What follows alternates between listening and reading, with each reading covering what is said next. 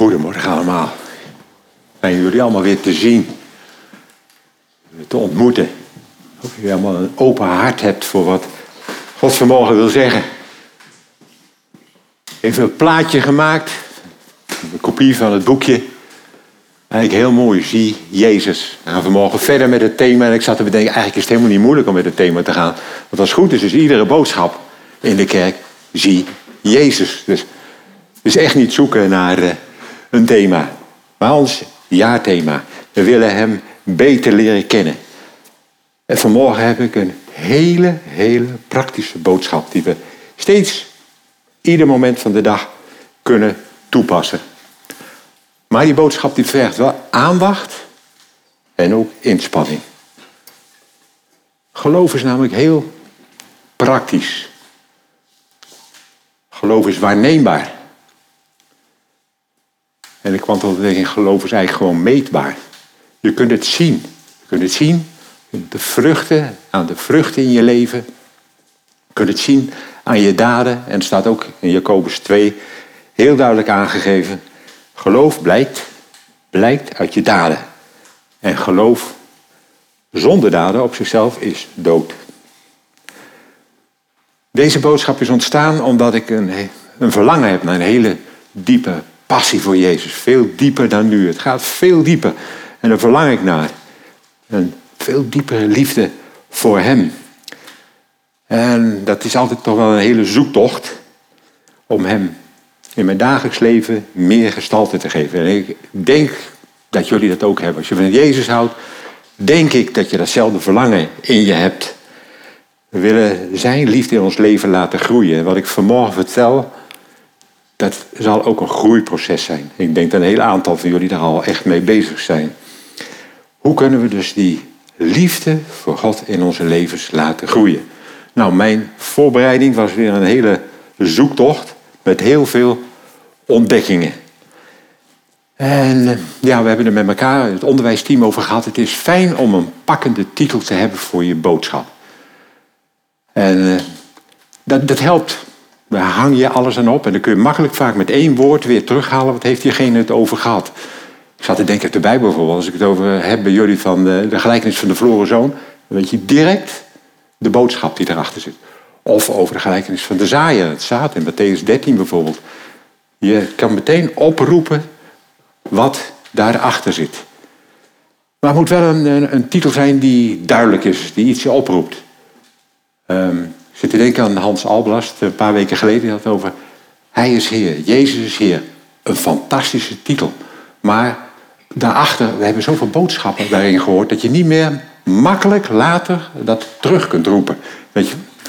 En de vorige keer heb ik gesproken over Jezus, de geloofskampioen. Ik denk dat een heleboel van jullie dat zomaar weer naar boven kunnen oproepen, omdat het een apart woord is. Dus had ik vanmorgen voor deze boodschap, en daar ben ik echt behoorlijk mee bezig geweest, om een titel te vinden die past. Mijn eerste titel was eigenlijk uh, Jezus blikvanger. Het moet ook dit thema in doorklinken. Jezus de blikvanger. En het plaatje vind ik eigenlijk schitterend. Jezus is het licht van de wereld. En deze mensen kijken naar het licht van de wereld. Uitgebeeld hier door de zon. Ja, voor mij is hier, zie Jezus. Jezus is de blikvanger. God heeft zoveel, Jezus heeft zoveel voor ons gedaan. Maar mijn vraag is dan, wat is ons aandeel erin? Wij hebben daar ook een aandeel in.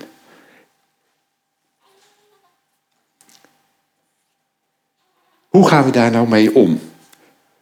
Dus ik was daar, heer, mijn boodschap, ja, klaar, maar ik zoek iets wat dat meer uitdrukt. Als je zegt, Jezus is blikvanger, ja, alles gaat van Jezus uit naar jou toe. Daardoor worden we getrokken. Maar vanmorgen wil ik nadenken van wat is onze verantwoording naar hem toe. Heb God lief boven alles. Dat is een opdracht. Hè? Heb God lief boven alles. Ik wil iets anders aan bij dat ben ik even kwijt. Um, van onze kant ons richten op Hem. Dus wij, wat geven wij naar Jezus toe? Dus ik uh, ik was er zo over in gebed en ik vroeg Jezus van, Heer, geef me een ander woord daarvoor. Een, een beter woord wat de boodschap beter pakt. En het is een heel bijzonder woord geworden. En dat is, Jezus is onze bullseye. Nou, dat zullen jullie nooit meer vergeten. maar ja, dat moet, ik, dat moet ik even uitdrukken. Ik zie uh, Jennifer al denken van, wat is dat nou? Ik had het ook hoor. Ik, ik dacht, het woord is doeltreffend. Het doeltreffend. Het woord eye in. Maar ik moest het toch eens even gaan opzoeken waar dat nou op slaat, weet je wel. Ik dacht bij mezelf, bullseye is de roos in een schietschijf. Of bij dat boogschieten heb je ook zo'n rond ding. En, maar dat was allemaal niet zo. Het woord komt uit het dartspel. Dus je weet wel, een ronde bordje met een heleboel ringetjes erin en uh, metaal en pijltjes gooien. Dus ik ging erin verdiepen en ik vond het eigenlijk een prachtig beeld. Omdat er zitten allemaal cirkels in. Het gaat om het middelste twee cirkels. Je hebt een uh, iets groter cirkeltje, dat is een groen cirkeltje en dat heet de boel. En het puntje daar binnenin is het centrum, dat is de bullseye. En ons, ons boel, ons doel, is het koninkrijk van God. En het centrum van het koninkrijk van God, dat is Jezus. En het gaat erom dat wij ons richten op dat centrum van Jezus. Jezus, ons bullseye. Nou, denk ik, goed. We leren binnen het onderwijsteam best heel veel dingen van hoofd, hart en handen. Dus ik ga braaf beginnen, netjes met eerst hoofd, kennis. Toch heel belangrijk, want ben ik er aardig mee bezig geweest. Je begint ergens aan en je denkt, nou, het lijkt mij allemaal wel simpel. Maar mm, er kwam toch wel best heel veel diepgaande dingen over. Allereerst wil ik toch even die blik vangen. Jezus heeft de basis gelegd. Hij heeft ons eerst lief gehad. God heeft ons eerst lief gehad. En dan moeten we niet vergeten wat God voor ons gedaan heeft. Dat is soms zo. We zijn vaak zo gewend aan die boodschap. En toch is het de meest kostbare boodschap die er bestaat. En daarom wil ik het toch even in een paar hoofdlijnen halen. En dat mogen we nooit vergeten. Dat mogen we nooit doen van, ja, maar dat wist ik al. Dat Jezus het God zijn heeft afgelegd en uit deze aarde is gekomen. Heeft het God gelijk zijn afgelegd. Als ik daarbij stilsta, dan denk ik, ontzagwekkend. Heeft het koningschap heeft hij afgelegd en mens geworden. En niet alleen gewoon mens geworden, hij is een dienaar geworden onder de mensen. Hij is niet geboren in een prachtig paleis. Nee, hij is geboren op een heel nederige plaats. Ja, vaak worden de stal genoemd. Ik weet niet of het de stal is, staat niet letterlijk genoemd. Maakt niet uit. Hij was niet welkom op deze aarde. Moet nagaan, de schepper die niet welkom is in zijn eigen aarde. Maar het zegt mij een heleboel over de nederigheid van God. Gigantisch. Dan in zijn jeugd is hij helemaal met de vader opgegroeid. Hele jeugd is hij bezig geweest met zich richten op de vader. En uiteindelijk, het laatste stukje van zijn leven, is hij gestapt in wat God hem had opgedragen en heeft laten, ons laten zien wat de Vader, hoe de Vader ons lief heeft. Hij heeft ons de Vader laten zien. Heeft mensen genezen, heeft mensen bevrijd, hersteld. Dan uiteindelijk heeft hij het ultieme offer gebracht. Een offer wat onze zonde heeft, al onze zonden van iedereen heeft hij op zich genomen. De zonde is geen issue meer. Voor ieder mens, of je nou gelooft of niet, dat offer van Jezus is voor ieder mens volbracht. Alleen je moet het wel accepteren, anders als je een gift niet aanneemt, dan, ja, dan gaat die gift verloren. En heeft de zonde macht gebroken. En daar komen we straks nog wel wat verder op uh, terug. Maar uiteindelijk heeft hij ook de dood verslagen. Hij is door die dood heen gegaan. Hij is opgestaan. Hij is verheerlijkt, verhoogd en hij zit nu aan de rechterhand van de Vader. Hij is koning over hemel en aarde. En dat maakt dat het licht ons aantrekt. Hij is daarin het licht van ons leven. Hij is onze blikvanger. Maar hij verlangt ook dat wij van onze kant reageren op ons geloof door ons vertrouwen op Hem te stellen. En dat vertrouwen dat moet zichtbaar zijn, moet tastbaar zijn. En dat doet God door ons af en toe te testen. We even kijken bijvoorbeeld naar het voorbeeld van Jezus. De afschaduwing van Jezus, dat is het volk Israël toen het in Egypte was. God deed machtige wonderen. Tien gigantische wonderen. Daarna heeft hij het volk uitgeleid. Op een machtige wijze door de Schelfzee geleid. Naar de overkant en het hele leger van Egypte is door God verslagen. Allemaal puur het werk van God. En God was bij hen. Hij was bij hen, zichtbaar bij hen. Hij was in de wolkolom. Maar ook, en ik weet niet of iedereen zich dat beseft, hij was ook, er was ook de engel des Heeren. En dat waren toch, als je het goed leest, twee afzonderlijke, ja, hoe moet je het noemen, personen. God was zichtbaar voor hen. En toen aan de overkant van de Schelfzee het volk vierde feest, was blij. Toen gingen ze op pad. En na drie dagen, het drinken was helemaal op. En dan kwamen ze bij Mara, dat was een water. En ze wilden drinken, maar het water was bitter. En wat gingen ze doen? Ze gingen naar Mozes, ze gingen mopperen. Er staat, ja, ja, Exodus 15, vers 25, staat dat God hen op de proef stelde. Hebben jullie nou van al die wonderen, alles wat ik voor jullie gedaan heb, geleerd? Dat ik voor jullie zorg, dat ik jullie lief heb. Ze waren het helemaal vergeten. Terwijl God zichtbaar bij hen is in die wolkolom en in die engel gaan ze tegen Mozes mopperen. Maar goed, God zei tegen Mozes, gooi, die, gooi een stok in het water en het water werd zoet en het volk was weer tevreden gesteld. Maar enige tijd later gebeurde hetzelfde met het manna. Ook daar stelde God hen op de proef. En een aantal voorwaarden waar ze aan moesten voldoen, maar ze deden het niet. En nog weer wat later met het vlees. En iedere keer, iedere keer. Soms zit ik gewoon met mijn handen in het haar. Vind ik onbegrijpelijk. Ik denk, hoe is het mogelijk dat de mensen dit niet zien? Daar bij mezelf, er zit één verschil in. Zijn wedergeboren. We hebben met andere ogen mogen kijken en dat hadden zij niet.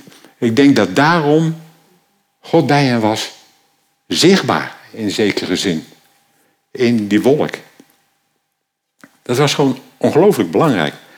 Maar hieruit kun je dus zien dat het geloof blijkt in de praktijk. De Israëlieten keken met hun fysieke ogen. En dan gaan we verder. Dan gaan we naar onszelf toe trekken. Wat trekt onze aandacht? Weet je, er is een strijd, er is een enorme strijd gaande over onze aandacht. Onze aandacht is onze wil, is onze ziel, dat is onze aandacht. We hebben een vrije wil gekregen van God en daar gaat de hele strijd om. Voor iedereen. Het einddoel van het geloof is de zaligheid van de ziel. We moeten onze ziel gehoorzaam maken aan God. En daarom, mensenkinderen, ik ben er zo. Uh, waar kijken we naar? Onze ogen zijn zo bepalend. Je ziet zoveel. En daar is een hele industrie op gebouwd. Hè? De reclame. De hele reclamewereld is er alleen maar op gebouwd om je te verleiden, te verleiden, te verleiden, om te kopen en te kopen. Pas op waar je naar kijkt. Wees je bewust waar je naar kijkt. Is ook een andere kant. Er kan een verlangen zijn in je hart. Als ik denk bijvoorbeeld, ik uh, heb brood nodig, brood nodig. Wat doe ik dan?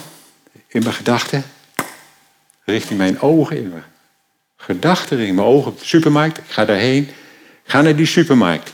Maar binnen die supermarkt, richting mijn ogen alleen op de bakkerij. Daar haal ik mijn broodje waar ik vandaan kom, ik reken af en ik ga weer. Dan ben ik heel doelbewust bezig. Als ik boodschappen ga doen, dat is mijn manier, gaan wij eerst samen met Hermine maak ik een lijstje.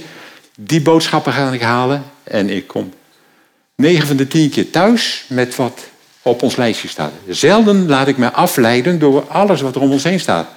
Oh wee, oh als je gaat boodschappen doen en je loopt al die schappen langs. Hé, hey, dat is eigenlijk ook wel lekker. Dat is ook wel leuk, weet je wel. Dan kom je met veel meer thuis. Ik geef alleen maar aan. Het verlangen begint ook in je gedachten. Wat je doel is, daar kom je uit. Als je doel is bakker, supermarkt, brood, daar kom je uit. Maar als je niet echt doelgericht bent, is dat gevaarlijk. Met kleding bijvoorbeeld wordt het allemaal wat lastiger. Je denkt, ik heb een broek nodig. Maar 9 van de 10 keer kom ik meer thuis dan alleen die broek. Omdat ik niet exact voor ogen heb wat ik nodig heb. Maar jullie begrijpen wat de bedoeling gaat, is. Hè? Het blijkt dus dat het niet alleen om je ogen gaat, maar vooral wat er in je gedachten omgaat. Erover na zitten denken. Ik denk dat er geen verschil is tussen gedachte en geloof. Gedachte is geloof. Je gelooft wat je denkt en je denkt wat je gelooft. Dat is echt zo. Echt over nagedacht. Mag je eens over nadenken. Je gedachten drukken je geloof uit. Je focus, je aandacht is een combinatie van denken, geloof en kijken of andersom. Als je door je ogen laat leiden, ik denk bijvoorbeeld aan porno. Heel gevaarlijk. Als je daar ook maar even naar kijkt, dan kun je zo je gedachten op de loop gaan. En dan ga je helemaal een kant op die je eigenlijk niet eens wil. Maar je, je, je blik, je, wat je ziet, bepaalt je denken. Maar er zit nog een aspect bij. Er is licht nodig. Iets moet, er moet licht opvallen. Zowel fysiek als geestelijk is er licht nodig. Als er geen licht is, dan tasten we rond in het duister en dan kunnen we niks. Door iets op te lichten, oh, daar zie je in de reclame dat weer heel duidelijk. Vangt dat je aandacht. Dus waar het om gaat, we moeten bewust leven. Bewust, waar denk ik over? Denk bewust na over alles wat je wil gaan doen en betrek God erin. Herman Boon heeft een mooi lied over eh, gemaakt. Spreuken 3, vers 6. Wie kent hem? Over dit onderwerp. Laat God delen in alles wat je doet, dan kan Hij je levensweg bepalen. Dat is het. Dat is het helemaal. Dat is eigenlijk een schitterend lied. Laat God delen. Van die noemde straks iets van, ja, maar hoe richten we nou echt? Hoe doen we dat nou in de praktijk? Onze blik op Hem. Deel met Hem alles wat je mee bezig bent. Dat je worstelt. Een heleboel dingen, dat, ja, denk je, oh, dat kan ik zelf wel. Maar als je Hem erin betrekt, valt er een heel ander licht op. En dan gaat Hij je leven zich bepalen. Hij bestuurt je denken. Dus als je niet bewust leeft, bepalen je omstandigheden of je begeerten, je gedachten en kom je uit op die plek waar je bedacht had. Alles waar het licht op valt en aantrekkelijk is, daar ga je je aandacht op richten. Laat je niet leiden door je fysieke ogen. Je moest denken aan Adam en Eva. Adam en Eva waren zonder zonde. Ze hadden die vrije wil en voor de rest niks. Ze hadden helemaal geen belasting. En wat doet die sluwe, sluwe slang? Hij gaat naar even toe. God heeft zeker wel gezegd dat je van geen enkele boom in de hof mag eten. Hij vestigt een aandacht, haar aandacht, op voedsel, op eten. Daarna zegt hij, ja, maar wat God zegt is niet waar. Wanneer je van die boom gaat eten, dan zul je wijsheid krijgen. Dan zul je net als God zijn. De hoogmoed in ons leven. Heb je op twijfelt te zaaien aan het woord van God. En wat doet even? Ze kijkt naar die boom. Ze zegt, oh, eigenlijk wel een hele mooie vrucht, hè? De hoogmoed, of de, verleiding van het vlees. Verleiding van, van de ogen, sorry. De andere was van het vlees. Honger hebben is van het vlees. En verleiding van de ogen. Want in, en dat mag eh, Samuel wel eventjes laten zien, die tekst in 1 Johannes 2, vers 16 staat, want al wat in de wereld is, de begeerte van het vlees, de begeerte van de, de ogen en de hoogmoed van het leven is niet uit de Vader, maar is uit de wereld. En als een, ik vind altijd die drie dingen, die hebben direct met elkaar te maken. De situatie van Adam en Eva, de verzoeking van Jezus en deze tekst. Ze overlappen elkaar perfect. Wat gebeurde bij Jezus? Wat deed de Satan bij Jezus? Jezus had dat 40 dagen gevast. Nou, die had honger. En wat doet hij? Hij gaat hem verleiden met brood. Daarna brengt hij twijfel aan wat God gezegd heeft. Indien je Gods zoon bent. En daarna zet hij hem op het hoogste punt van de tempel. Als je mij aanbidt, zul je dit alles krijgen. Hoogmoed, de kortste weg. Ik denk dat die boodschap niet voor niets zo nadrukkelijk in de Bijbel staat, omdat we moeten ons bewust zijn wat er gebeurt om ons heen. Er is zo'n strijd. Die helm des heils moeten we op hebben. Nog even een klein stukje verder over de aandacht. Ik zeg het heel vaak in allerlei vormen. Waar je op focust, daar word je gevoelig voor. Wat je bestudeert, ga je worden. Je identiteit wordt uiteindelijk bepaald door wat je denkt en wat je gelooft, naar waar je kijkt en waar je licht op valt. Laten we nou eens naar Jezus kijken. Ons boelzaai. Het was. Nee, even. Jezus was volkomen gericht op de Vader. Hij keek alleen naar Hem, van jongs af aan. En daarom mag je geduld hebben met jezelf hierin. Want bij mij gaat het ook zo vaak fout. Ik wil anders, ik wil op u letten. Maar het lukt me bij lange na niet. Maar Jezus is zijn hele leven, zo'n 30 jaar bezig geweest. Natuurlijk eerst zijn natuurlijke dingen te leren. Maar gewoon steeds weer te verdiepen in Gods woord. Wie is de Vader nou? Hij groeide in genade bij God en bij mensen. Hij moest ook groeien erin. Hij moest ook dat ontdekken. Maar hij, alleen met de Vader. 30 jaar lang alleen met de Vader. Ja, wat denk je wat hij wordt? Hij wordt het beeld, het evenbeeld van de Vader. Hij is zo doordrenkt van de Vader. Als kind al was hij achtergebleven in de tempel. Zijn ouders zochten hem. Kind, hoe kun je ons dat nou aandoen? Drie dagen waren ze naar hem op zoek geweest. Hij zei, wisten jullie niet dat ik moest zijn in het huis van mijn vader? Dat was zijn doel. Samuel, wil je de volgende slide laten zien? En in Johannes 5, vers 19, dat was ook de tekst die van de week, afgelopen week, in het boekje van Jezus, week 4 stond. Johannes 5, vers 19. De zoon kan niets doen uit zichzelf als hij de vader niet ziet doen. Volkomen gericht, iedere dag, iedere dag deed hij wat de vader hem liet zien. En er zitten soms hele vreemde dingen bij hoor. Daar denk ik wel eens van als je spuug op iemands ogen moet smeren. Ik weet niet of mij dat gevraagd zou. Ik zou dat vreemd gevonden hebben. Maar Jezus deed het gewoon. Deed al die dingen. Hij deed precies wat de vader hem zei. Volkomen gericht op zijn vader. Zijn identiteit lag in de vader. Hij is het evenbeeld van de vader. De volgende slide, dat was uh, wie de zoon ziet, ziet de vader. Johannes 14, vers 9. Waar je naar kijkt, heeft invloed op wie je wordt. Waar je op focust, daar word je gevoelig voor. Laten we focussen, zoveel mogelijk als we kunnen focussen op Jezus. Nogmaals, er is strijd gaande om je aandacht. 2 Korinthe 4, vers 4 zegt, de ongelovigen, van wie de gedachten door de God van deze wereld zijn verblind, de ogen zijn verblind, de ogen van het hart zijn verblind, waardoor ze het licht van het evangelie niet kunnen zien. Ze kunnen de luister van Christus, die het beeld van God is, niet zien.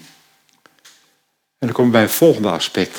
Straks even genoemd. We hebben, eigenlijk, wij hebben twee paar ogen. We hebben onze fysieke ogen waarmee we krijgen, kijken. Maar als we wedergeboren zijn, als we geloven in Jezus, dan zijn andere ogen in ons hart geopend. Dan kunnen we kijken met geestelijke ogen. En dan zien wij het licht, dan zien wij Jezus. Geloof in Jezus opent de ogen van ons hart om het koninkrijk van God te kunnen zien. dat is een wonder. Misschien sta je niet bij stil, maar ik besef dat. Het is een wonder dat je mag begrijpen wat er in de Bijbel staat. Soms met ongelovigen die vinden het onbegrijpelijk wat er staat. Kunnen het niet pakken. Maar het is alleen al een wonder, dat mag je aan vasthouden, als je mag zien, als je het koninkrijk van God mag zien, als je mag begrijpen wat Jezus voor je gedaan heeft. We hebben dus twee paar ogen. Eén stil fysiek, aangestuurd door onze gedachten, of onze gedachten door onze ogen. Daar moeten we verschrikkelijk mee oppassen. En de andere zijn de geestelijke ogen. En denk eens aan Nicodemus, Johannes 3. Nicodemus ging in de nacht naar Jezus.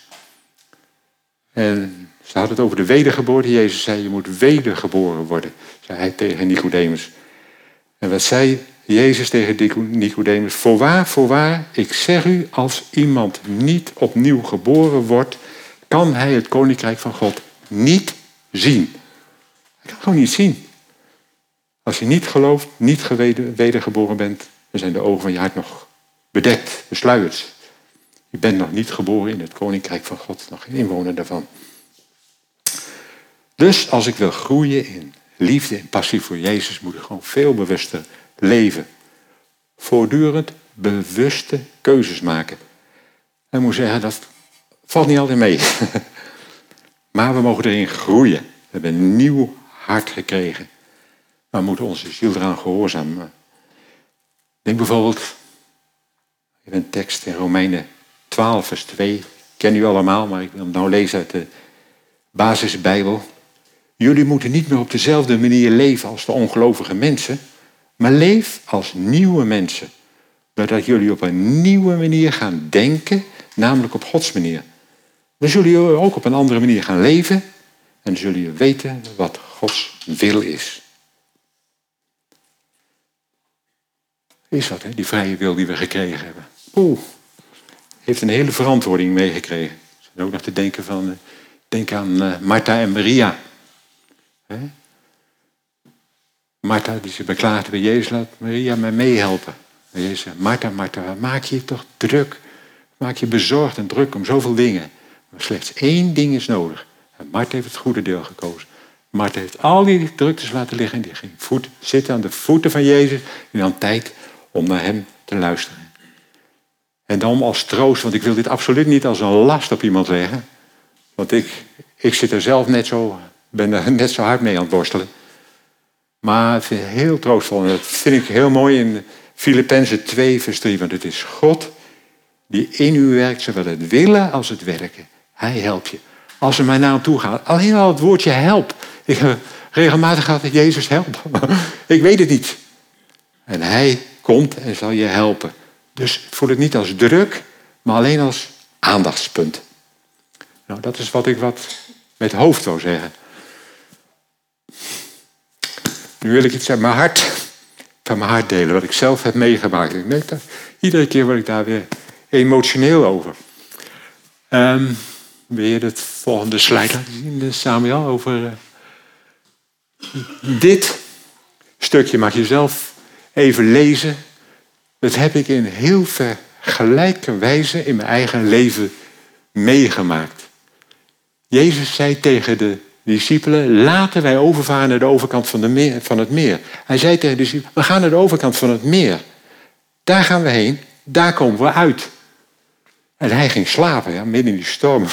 Alleen al, ik denk, van mij hadden die boten helemaal geen afdekking. Want hij moet toch ook drijfnat geworden zijn. Maar hij sliep. Hij had zo'n vrede in zichzelf. En de discipelen schudden hem wakker. Meester, meester, we vergaan. En hij stond op. En hij bestrafte de wind en de golven. En die gingen liggen en het werd stil. En Jezus verweet hun. Hij verweet hun, waar is jullie geloof? Nou, ik zeg al, ik heb dat op dezelfde wijze. En daar komt dit allemaal uit voort. Dus al vijf jaar geleden, maar het houdt me altijd nog zo bezig. Als God direct in je eigen leven gaat spreken, dan wordt het hard. Ik zal jullie uh, dat vertellen. Ik moet het hier en daar wat meer gedetailleerd vertellen om het te kunnen begrijpen, wat ik in mijn eigen leven heb meegemaakt. Het was in het voorjaar van ja, 2017. En Mien en ik hadden besloten om naar BSM te gaan. Eline had die school al gedaan, Joram zat in het tweede jaar en wilde ook meemaken wat zij hebben meegemaakt. In ieder geval een jaar naar de Battle School of Supernatural Ministry in Reading. Het is een hele beslissing die je moet nemen, maar ook God heeft daar heel goed in voorzien. Maar meteen dat het idee naar voren kwam, hadden we één voorwaarde. Eén voorwaarde. Sharon, die woonde al een jaar bij ons in huis. En die zou in dat najaar gaan trouwen. En we gezegd, wat er ook gebeurt, we gaan naar die bruiloft. Ze woont in ons huis. Ze wilde vanuit ons huis uit trouwen. Zoals een dochter voor ons. We hebben een geweldige tijd met haar gehad. Zo mooi, zo kostbaar. Dus dat was onze voorwaarde. Wat het ook kost, we gaan terug. Nou, we hadden die school. Het weekend was het toevallig het bruiloftsweekend van uh, Sharon en David. 29 september was daar ook een heleboel gebeuren. Ze vonden het niet fijn dat we weggingen, maar we gingen weg. Dus we gingen, ook geloof ik, denk op een woensdag, maakt niet uit. Hadden we een auto gehuurd en we zo vanuit de Redding naar San Francisco rijden. Kleine 400 kilometer. We namen ruim de tijd, morgens vroeg weg, ontspannen. Mijn focus was halen van het vliegtuig. Dat was mijn focus, waar ik echt op gericht was. Ging prima. Ging tot vlak voor San Francisco. Bom. Ik geloof vijf, zes stroken breed. File. Alles dat bomvast. Nou, we hebben tijd genoeg. We hebben genoeg reserve genomen, weet je wel. Maar na een uur, hmm, schiet niet erg op, weet je wel. Heel af en toe een klein stukje vooruit. En toen kwam er een opening in de middenberm. Er allemaal van die, ja, die betonnen elementen. En er was één opening in. Me om toch even tussendoor te kunnen. een heleboel mensen gingen toch naar die andere kant. Dus weer aan de strook terug. Ik dacht, nou, ik zie geen andere oplossing. Gaan we weer terug. Sluiproutes, ja, dat had je gedacht. Sluiproutes zitten ook allemaal hartstikke vol. En je zit steeds weer in de file. Dus we besloten uiteindelijk om om San Francisco heen te rijden. Want je, het centrum, het echte San Francisco, ligt rondom in water. Ook het vliegveld ligt daarin.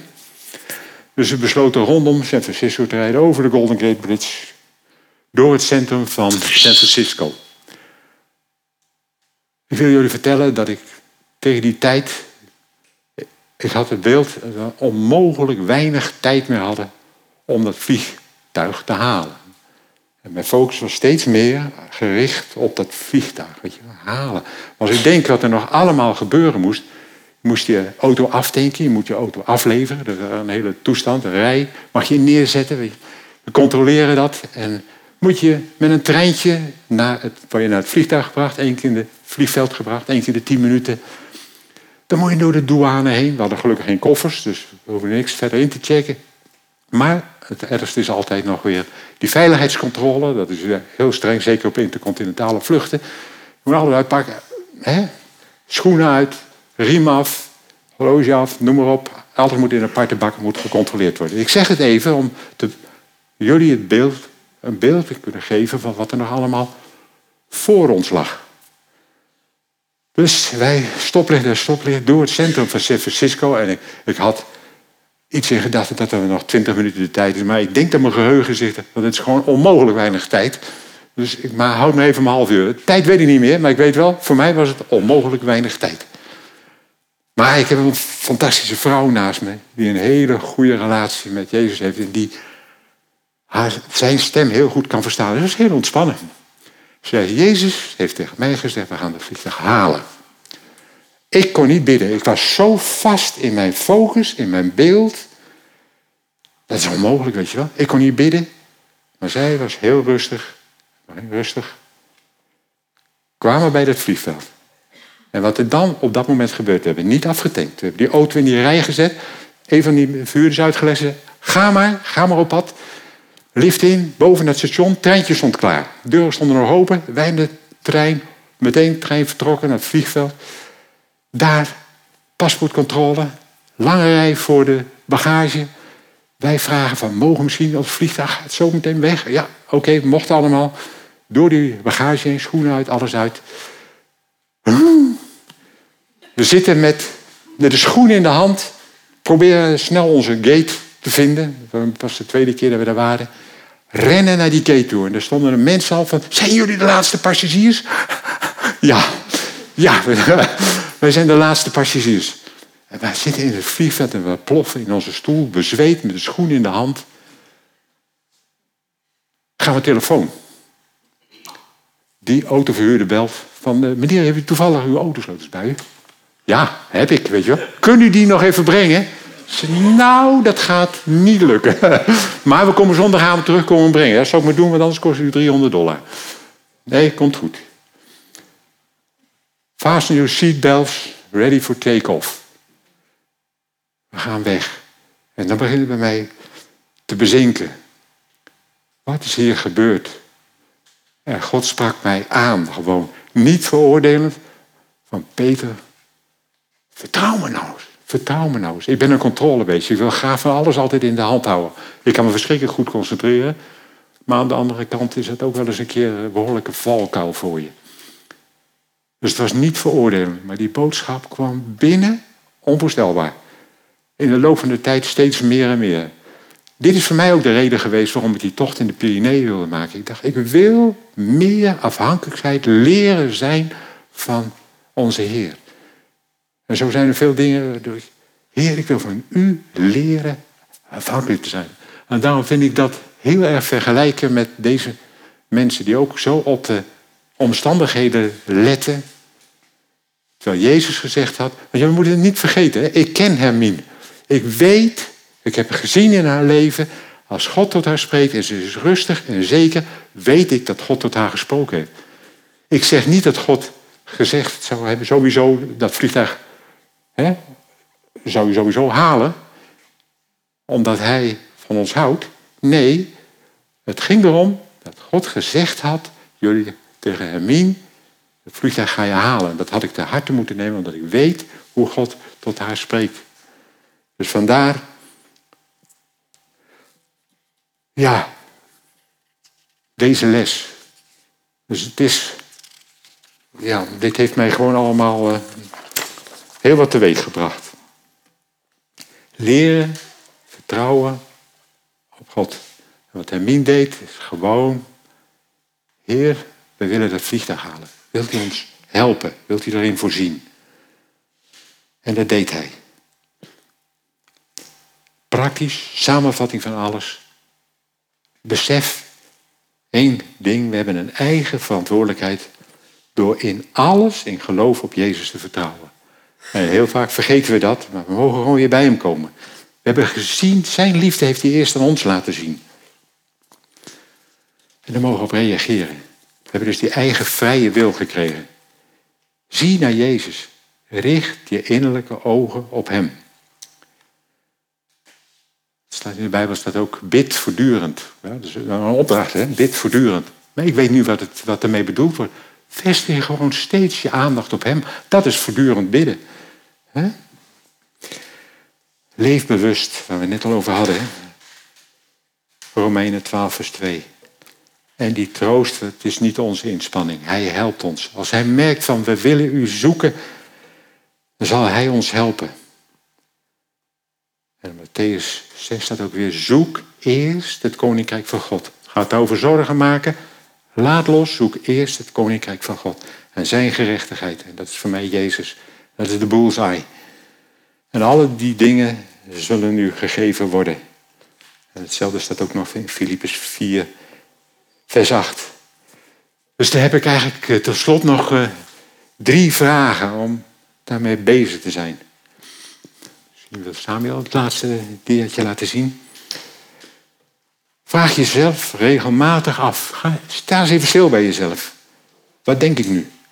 Waar ben ik mee in gedachten? Waar focus ik me op? De vraag is van, uh, hoe voel ik mij op dit moment? Heb ik vrede? Ben ik, ben ik onrustig? En de derde is, zie je Jezus? Herken je zijn leiding? En iedere situatie, Jezus heeft het meegemaakt. Hij kent dat. Hij wil je helpen.